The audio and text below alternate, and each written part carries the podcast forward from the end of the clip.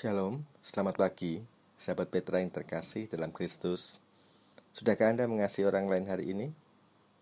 Pada embun pagi hari ini, 2 April 2021, kita membuka hari dengan sapaan Sabda Tuhan bersama saya Joko Prastio, Pendeta Kekasih Demak Ijo, PPK UKDW.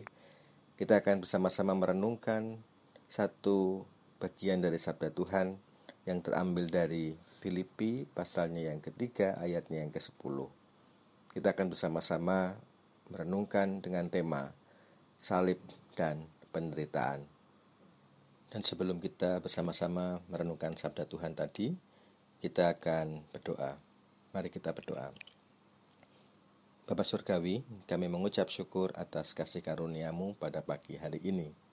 Engkau membangunkan dan menolong kami membuka hari bagi kami untuk kami lalui.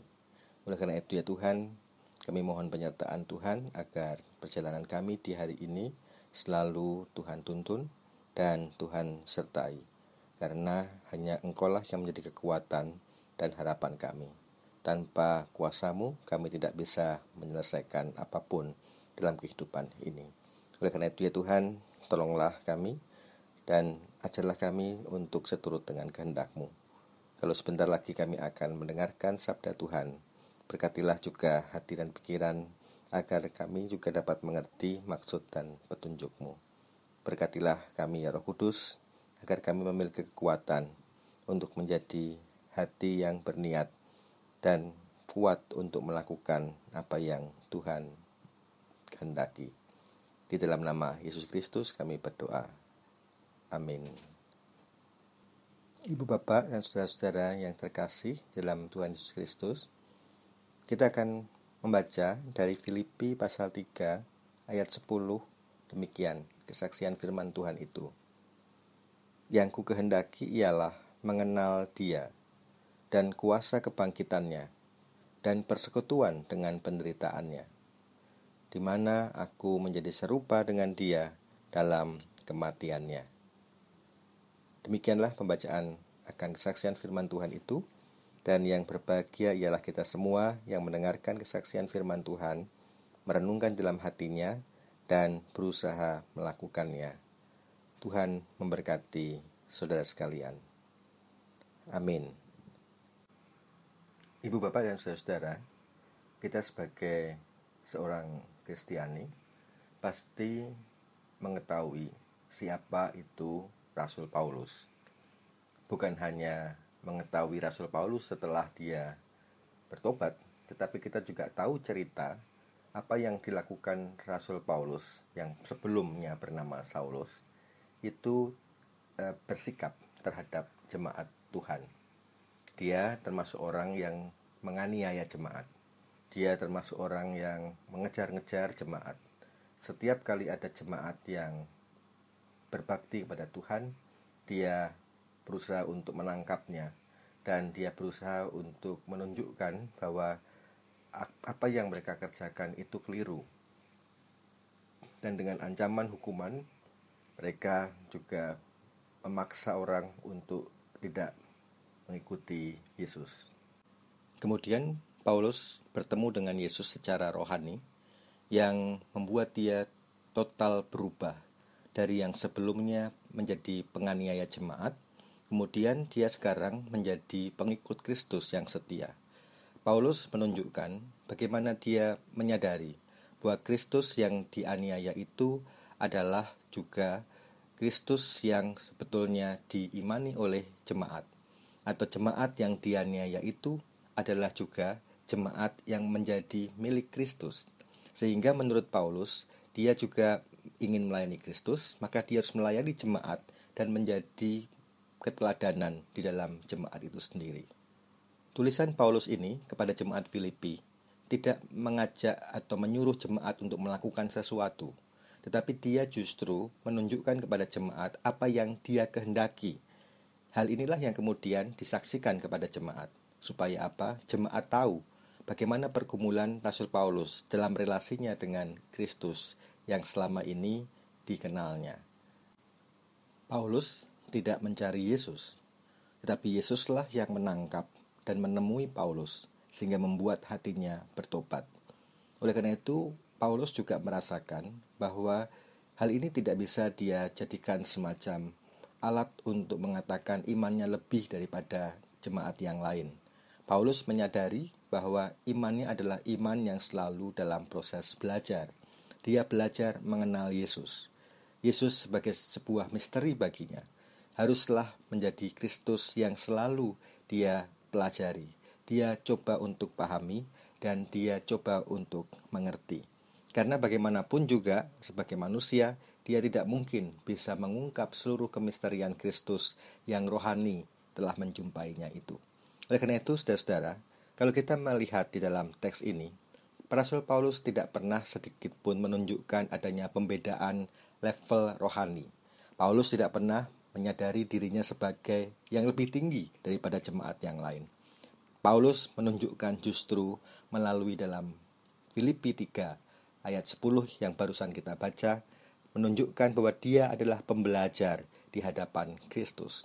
Dia juga pembelajar bersama jemaat tentang apa yang menjadi kemisterian Yesus dan juga rancangan ilahi yang ditunjukkan itu. Kemudian apa yang sebetulnya ingin dia pelajari, saudara-saudara? Istilah mengenal di dalam ayatnya yang ke-10 itu yang ku kehendaki ialah mengenal dia. Mengenal di sini bisa dipahami juga sebagai mengerti, memahami, atau sebuah upaya untuk mempelajari. Jadi istilah mengenal lebih pada istilah bagaimana Paulus aktif dari yang tadinya tidak tahu, ingin selalu menjadi lebih tahu lagi tentang apa.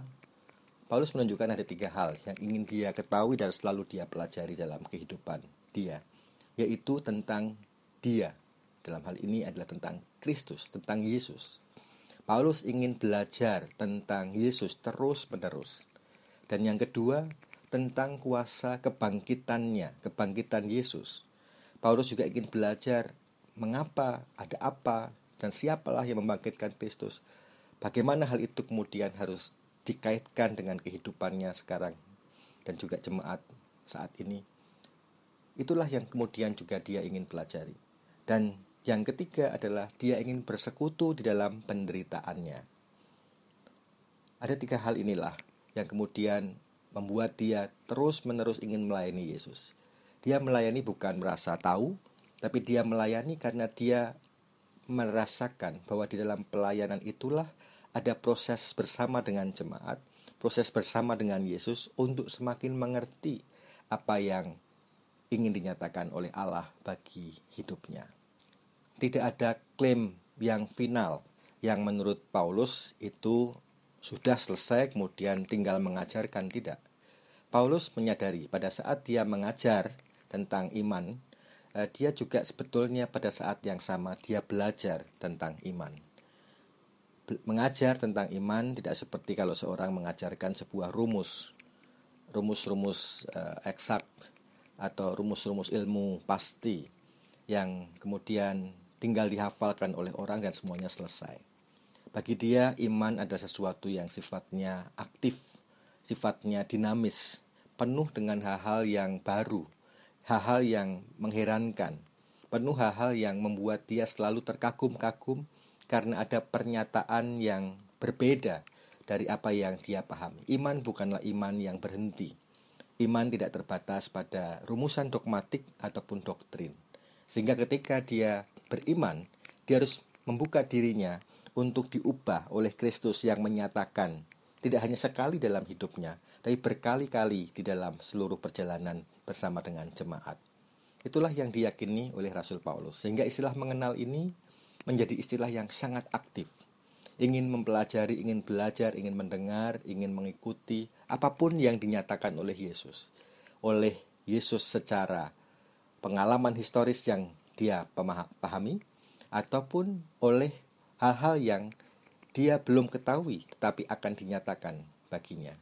Ayat ini menunjukkan kerendah hatian Paulus.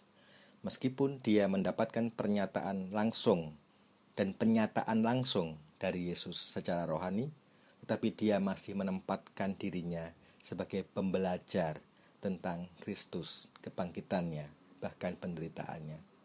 Saudara, saat ini kita memperingati hari Jumat Agung, di mana Yesus sengsara dan disalibkan. Kita tahu bahwa Yesus memang pada hari yang ketiga dibangkitkan oleh Bapa. Tetapi kita tahu juga bahwa ketika dia mengalami sengsara, dia betul-betul mengalami sengsara sebagai seorang diri. Dia sendirian. Eloi, Eloi, lama sabachthani. Dikatakan bahwa Bapa meninggalkan dan Bapa berjarak dengan dia. Dia tidak lagi memiliki backup. Dia manusia yang seperti ditolak oleh bapaknya atau tidak di backup oleh bapaknya. Nyatanya dia mati, nyatanya dia dikuburkan, nyatanya dia menderita. Tapi sekaligus penderitaan ini juga menjadi penolakan terhadap dia oleh dunia. Jadi dia ditolak oleh dunia, tetapi dia tidak di backup oleh surga. Nampaknya demikian pada saat Yesus disalib benar-benar menjadi seorang diri. Kenapa dia demikian, saudara-saudara? Ya, saya tidak akan masuk dalam jawaban dogmatis atau doktrinnya, karena mungkin dari kita juga masing-masing bisa menafsirkan secara berbeda-beda. Tapi saya ingin fokus mengajak saudara-saudara melihat bagaimana Yesus itu menderita. Penderitaan Yesus bukanlah penderitaan yang terjadi karena kebetulan, atau sekedar kecelakaan atau sekedar ketidaksengajaan. Jelas dengan adanya proses pengadilan yang berbelit-belit ya antara bait Allah, uh, orang Romawi, orang banyak, ada negosiasi di sana sini, ada upaya untuk saling memberikan kesempatan karena banyak orang yang juga mencari muka dalam hal ini dikatakan dalam teks Injil kita. Tetapi Nyatanya Yesus tidak gentar dan Yesus tetap berjalan ke arah itu. Memang betul, Yesus pernah mengatakan dalam doanya, kalau bisa cawan ini lalu daripadaku. Tetapi kenyataannya Yesus tidak menghindari itu. Dan Yesus pasrah kepada Bapa. Kalaupun memang penderitaan ini harus terjadi, dia akan alami, dia akan terima itu. Yesus tidak menyangkal penderitaan. Bahkan sebelum dia masuk Yerusalem, saudara-saudara, ketika orang banyak mengeluhkan dia dan menyambut seperti raja yang datang. Yesus sebetulnya tahu karena dia menangisi Yerusalem. Dia sedih melihat Yerusalem dari kejauhan sebelum dia memasukinya. Dia tahu bahwa di situ akan ada penolakan terhadap dia. Dia tahu meskipun banyak orang yang menyeru-nyerukan dia, tapi tidak lama lagi akan ada banyak orang yang kecewa karenanya. Karena dia tidak bisa memenuhi harapan menjadi Mesias, pembebas dari kungkungan penjajahan Romawi untuk melawan fisik dengan fisik. Yesus menghindari peperangan semacam itu. Tidak seperti yang dibayangkan oleh orang-orang banyak, bahwa ketika Yesus datang akan memimpin mereka berperang melawan kejahatan, dan kejahatan akan dikalahkan, dan kebaikan akan menjadi pemenang. Bukan seperti itu. Tetapi Yesus membalikkan cara berpikir mereka, bahwa Allah punya cara yang lain, yang tidak dipikirkan oleh manusia. Allah tidak mengalahkan orang jahat, tetapi Allah mengalahkan kejahatan agar orang jahat tidak lagi menjadi jahat, agar orang jahat menyadari kejahatannya. Oleh karena itu, orang jahat tidak boleh dimusnahkan, tetapi orang jahat harus ditobatkan setelah melihat keteladanan yang dia tunjukkan. Itulah kesetiaan Yesus terhadap Bapaknya. Yesus tidak membawa hukuman, tetapi Yesus membawakan sebuah cara yang membuat orang itu kemudian bisa melihat di mana dirinya berada dan kemudian apa yang harus dia kerjakan untuk memperbaiki hidupnya agar orang diselamatkan. Oleh karena itu saudara-saudara Yesus mengambil sikap untuk tidak melawan. Ketika memasuki Yerusalem, mulailah Yesus ditunjukkan dengan cara bercerita atau cara kesaksian Injil-Injil di mana Yesus itu diam tidak banyak berkata-kata. Yesus tidak menjelaskan apa pun. Yesus tidak secara aktif membela dirinya. Yesus sangat diam, hanya mengatakan beberapa kata yang diperlukan. Itu pun masih banyak interpretasi yang mungkin bisa dikemukakan. Tetapi Yesus tidak mencoba untuk menjelaskan apa yang dia maksudkan. Karena memang dalam kondisi penolakan seperti itu, ngomong apa pun tidak mungkin akan diterima. Pasti akan dicarikan alasan-alasan yang untuk menjerumuskan atau memperberat dia dengan tuduhan-tuduhan. Saudara-saudara, hari ini kita tidak akan membahas tentang misteri kebangkitan. Tapi kita akan fokus bersama dengan Paulus untuk belajar mengenai sikap Yesus dan juga bagaimana Yesus menerima dan menjalani penderitaannya. Yesus tidak menyangkal sengsara, tetapi justru Yesus menunjukkan bahwa Dia menjalani penderitaan dan kesengsaraannya dengan kesetiaan, dengan ketaatan, karena Dia yakin bahwa Dia berada di jalan Bapaknya. Dia tidak mau keluar dari jalan itu. Dia bertahan di jalan itu. Karena dia ingin menunjukkan dengan bukti perbuatan bahwa kebaikan harus dilakukan dengan cara yang baik kebaikan haruslah ditunjukkan juga dengan cara yang baik. Menurut Paulus, saudara-saudara, kita tidak boleh atau kita sebetulnya tidak berhak atas hasil dari jerih payah kita. Kita tidak berhak untuk membayangkan hasil dari penderitaan kita. Karena itu adalah Tuhan. Dan menurut Paulus, itu sudah sebuah kepastian Tuhan pasti akan memberikan yang baik. Apa pun yang e, menjadi kekurangan kita, dia menyempurnakan kita. Jadi itu tidak perlu kita risaukan. Paulus mengajak kita melalui ayat ini adalah justru kita harus risau dengan sebuah komitmen kita sendiri untuk bersama Yesus di dalam penderitaannya. Apakah kita itu menjadi orang-orang yang siap menderita bersama dengan Yesus? Dalam pengertian begini, saudara. Bukan berarti kemudian kita seperti orang yang nggak punya beban, kemudian kita ikut Kristus mendapatkan beban. Tidak demikian. Tetapi Paulus menyadari bahwa sebelum mengikut Kristus sebagai manusia, dia itu sudah memiliki penderitaan juga. Penderitaan yang karena kesalahannya sendiri. Penderitaan yang karena kebodohan, atau mungkin penderitaan yang karena memang dunia ini kan hidup tidak adil, tidak uh, berpihak kepada siapa yang lemah, mencari menang sendiri masing-masing orang. Itu yang membuat penderitaan terjadi di dunia ini.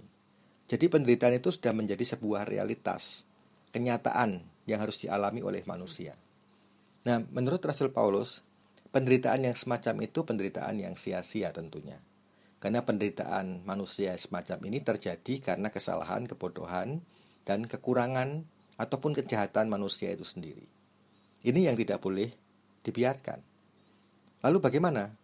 Paulus melihat bahwa Kristus memberikan contoh keteladanan penderitaan yang benar. Dia menderita bukan karena kesalahan, tapi dia menderita karena memang dia memperjuangkan kebaikan. Nah, oleh karena itu penderitaan kita yang kita alami sebelum kita mengenal Kristus itu mestinya harus dimasukkan, dipersekutukan, dibandingkan dengan penderitaan Kristus itu.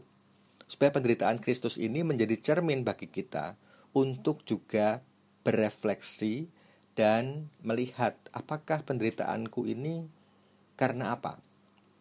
Karena salahku sendiri atau aku berjuang di jalan benar, mengapa ditolak, dan lalu bagaimana aku harus menjalani penderitaan ini dengan setia sampai akhirnya.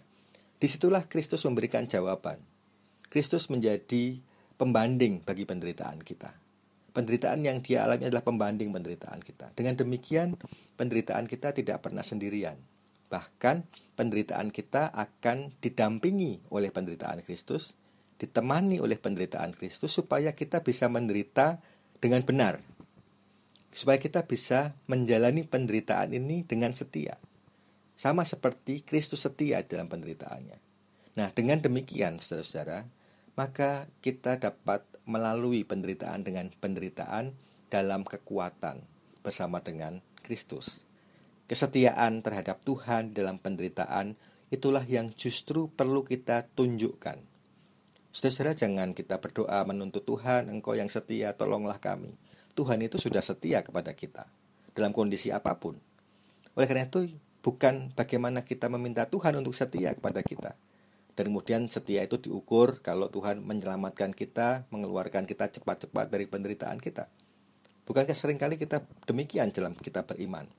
Jadi Yesus dan Tuhan itu dianggap sebagai sebuah uh, apa sebuah uh, tunggangan atau uh, menjadi sebuah uh, apa uh, hal yang bisa melepaskan kita dengan cepat-cepat dari penderitaan kita. Bukankah Injil menunjukkan kadang-kadang hidup itu tidak demikian? Justru hidup itu kadang-kadang seperti membiarkan kita dalam penderitaan. Pertolongan itu lama datangnya. Kadang-kadang kita hampir putus asa. Apakah kalau demikian berarti iman kita gagal? Atau iman kita tidak benar? Tidak. Ada banyak cara Tuhan mengajar kita beriman. Penderitaan menurut Paulus bukan sesuatu yang harus dihindari. Karena penderitaan itu adalah kenyataan hidup. Paulus bilang demikian. Setelah dia mengikuti Kristus, dia banyak menderita. Dia dihambat juga oleh orang-orang dan penguasa-penguasa dia dibenci oleh orang-orang yang sebelumnya menjadi sahabatnya, kemudian dibenci. Kemudian dia juga memiliki penderitaan karena dia harus menahan diri. Tapi dia juga harus memiliki penderitaan karena dia mengatakan dia punya kekurangan-kekurangan di dalam tubuhnya. Ada duri di dalam dagingku. Sehingga dia merasa keterbatasan itu membuat dia menjadi eh, sangat menderita. Tapi dia ingin mendampingi penderitaannya itu dengan penderitaan Kristus. Dengan di situlah dia mendapatkan kekuatan. Nah, nanti soal bagaimana itu akan berakhir, diakhiri dan diberi ganjaran yang baik itu adalah urusan Tuhan. Kita tidak bisa mengatur Tuhan.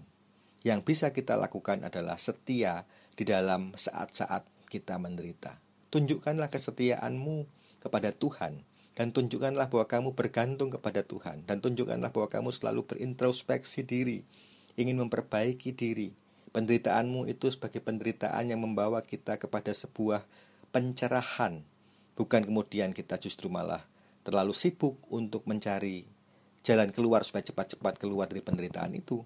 Tapi pernahkah kita menjalani penderitaan itu dengan tahapan-tahapan reflektif? Kenapa ya aku menderita? Apakah aku cukup setia di hadapan Tuhan dalam penderitaan ini? Apakah kita cukup merasa ah ini sudah bagianku karena aku bukankah yang lalu melakukan banyak kesalahan? Maka kalaupun aku harus mengalami keterbatasan itu sangat manusiawi. Itu bagian dari kehidupan. Diterima saja. Tetapi saudara-saudara sering kali kita melakukan sesuatu yang bertolak belakang. Kita justru ingin menjadikan doa-doa kita sebagai doa-doa yang ketika kita amin maka semua akan hilang penderitaan itu dan berakhir dengan sukacita. Bukankah iman yang demikian justru iman yang lemah? Iman yang hanya mencari berkat, tetapi tidak menunjukkan bahwa dia setia terhadap berkat yang sudah diterimanya selama ini. Oleh karena itu, saudara-saudara kembali kepada Paulus, kita diajarkan untuk juga belajar menderita seperti Kristus. Salib dan penderitaan Kristus bukanlah hal yang memalukan, dan bukanlah hal yang harus kita hindari. Salib dan penderitaan Kristus itu adalah juga cerminan dari bagaimana Kristus selalu menemani kita di dalam penderitaan kita. Kristus menunjukkan bagaimana cara menderita dengan benar, dan Kristus menunjukkan bagaimana menderita karena setia kepada kebenaran. Oleh karena itu, Paulus ingin agar penderitaannya yang kosong itu dipersekutukan dengan penderitaan Kristus. Dipersatukan dengan penderitaan Kristus supaya penderitaannya yang kosong tadi sebagai manusia itu menjadi penderitaan yang bermakna. Karena kemudian dia memiliki sebuah perubahan-perubahan batin, dia memiliki kekayaan-kekayaan dalam hal kehidupan ini melihat dengan cara yang baru. Sering kan kita ini uh, lupa Eh, dengan banyak hal dan menganggap semuanya oke-oke saja, tapi begitu kita terantuk batu baru kita menyadari perjalanan kita sudah lewat dari yang seharusnya sedemikian jauh. Secara penderitaan sering kali membuat kita harus berhenti berjalan, kemudian memikirkan kembali secara reflektif ke dalam. Nah, di dalam hal inilah kita tidak boleh hilang karena putus asa, dan kita tidak boleh juga cepat-cepat ingin mencari hasilnya dan menempatkan Tuhan hanya sebagai jawaban untuk mengubah apa yang tidak kita sukai menjadi kita sukai. Tuhan tidak bisa kita atur. Tetapi ketika kita menderita, menderitalah seperti Kristus menderita. Bedanya memang Kristus tidak menderita karena dosa, tetapi kita menderita karena dosa. Tapi biarlah penderitaan kita karena dosa itu justru diubah oleh Kristus yang sudah menderita bagi kita. Salib hari ini yang kita peringati adalah sebuah bukti bahwa Allah memperhatikan kita. Tetaplah menderita dengan setia. Amin. Mari kita berdoa saudara. Terima kasih ya Tuhan untuk berkatmu. Terima kasih untuk pagi ini kami sudah diajar untuk memahami penderitaan Kristus sebagai teman bagi penderitaan kami. Ajarlah kami ya Tuhan untuk mentransformasi penderitaan kami yang sia-sia menjadi penderitaan yang bermakna, yang mengajar kami kepada ketaatan kepadamu saja. Seperti salib mengajar kami tentang bagaimana Yesus taat kepadamu. Maka demikianlah kami juga harus taat dalam penderitaan ini tetap kepada Tuhan semata. Terima kasih Bapa. Di dalam nama Yesus Kristus kami berdoa. Amin. Demikian sahabat Petra yang terkasih dalam Kristus, embun pagi hari ini 2 April 2021 yang bertepatan dengan Jumat Agung. Kiranya sabda Tuhan memberikan hikmat, kekuatan, dan penghiburan bagi kita untuk melewati sepanjang hari. Saya Joko Prastio, Pendeta GKJ Demak Ijo dan PPK UKDW, mohon maaf bila ada kata-kata yang kurang berkenan. Sahabat Petra, selamat mengasihi orang lain hari ini. Tuhan Yesus memberkati.